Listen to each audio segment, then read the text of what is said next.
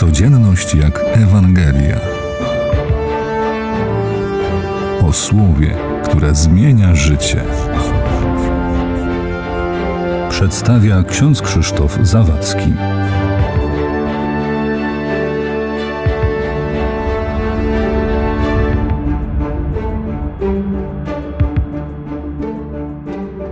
W momencie śmierci dusza odłącza się od ciała.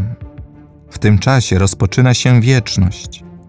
Koniec życia na ziemi jest początkiem wieczności.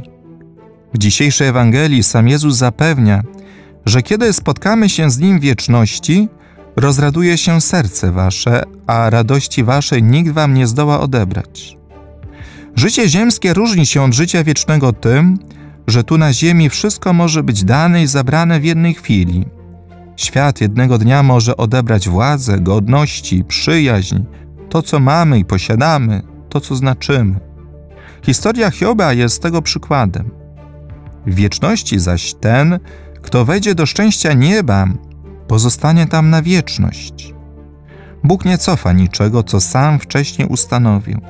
Na tym polega wierność Pana Boga względem nas. Pomyśl o tym, bracie i siostro, że przed nami życie, które nigdy się nie skończy. Wieczność, w której Bóg chce wynagrodzić Twoje ziemskie życie za wierność prawdzie Ewangelii. Pomyśl, że każda sekunda Twojego życia zapisuje się w księdze, którą po śmierci będziesz czytał z Panem Bogiem.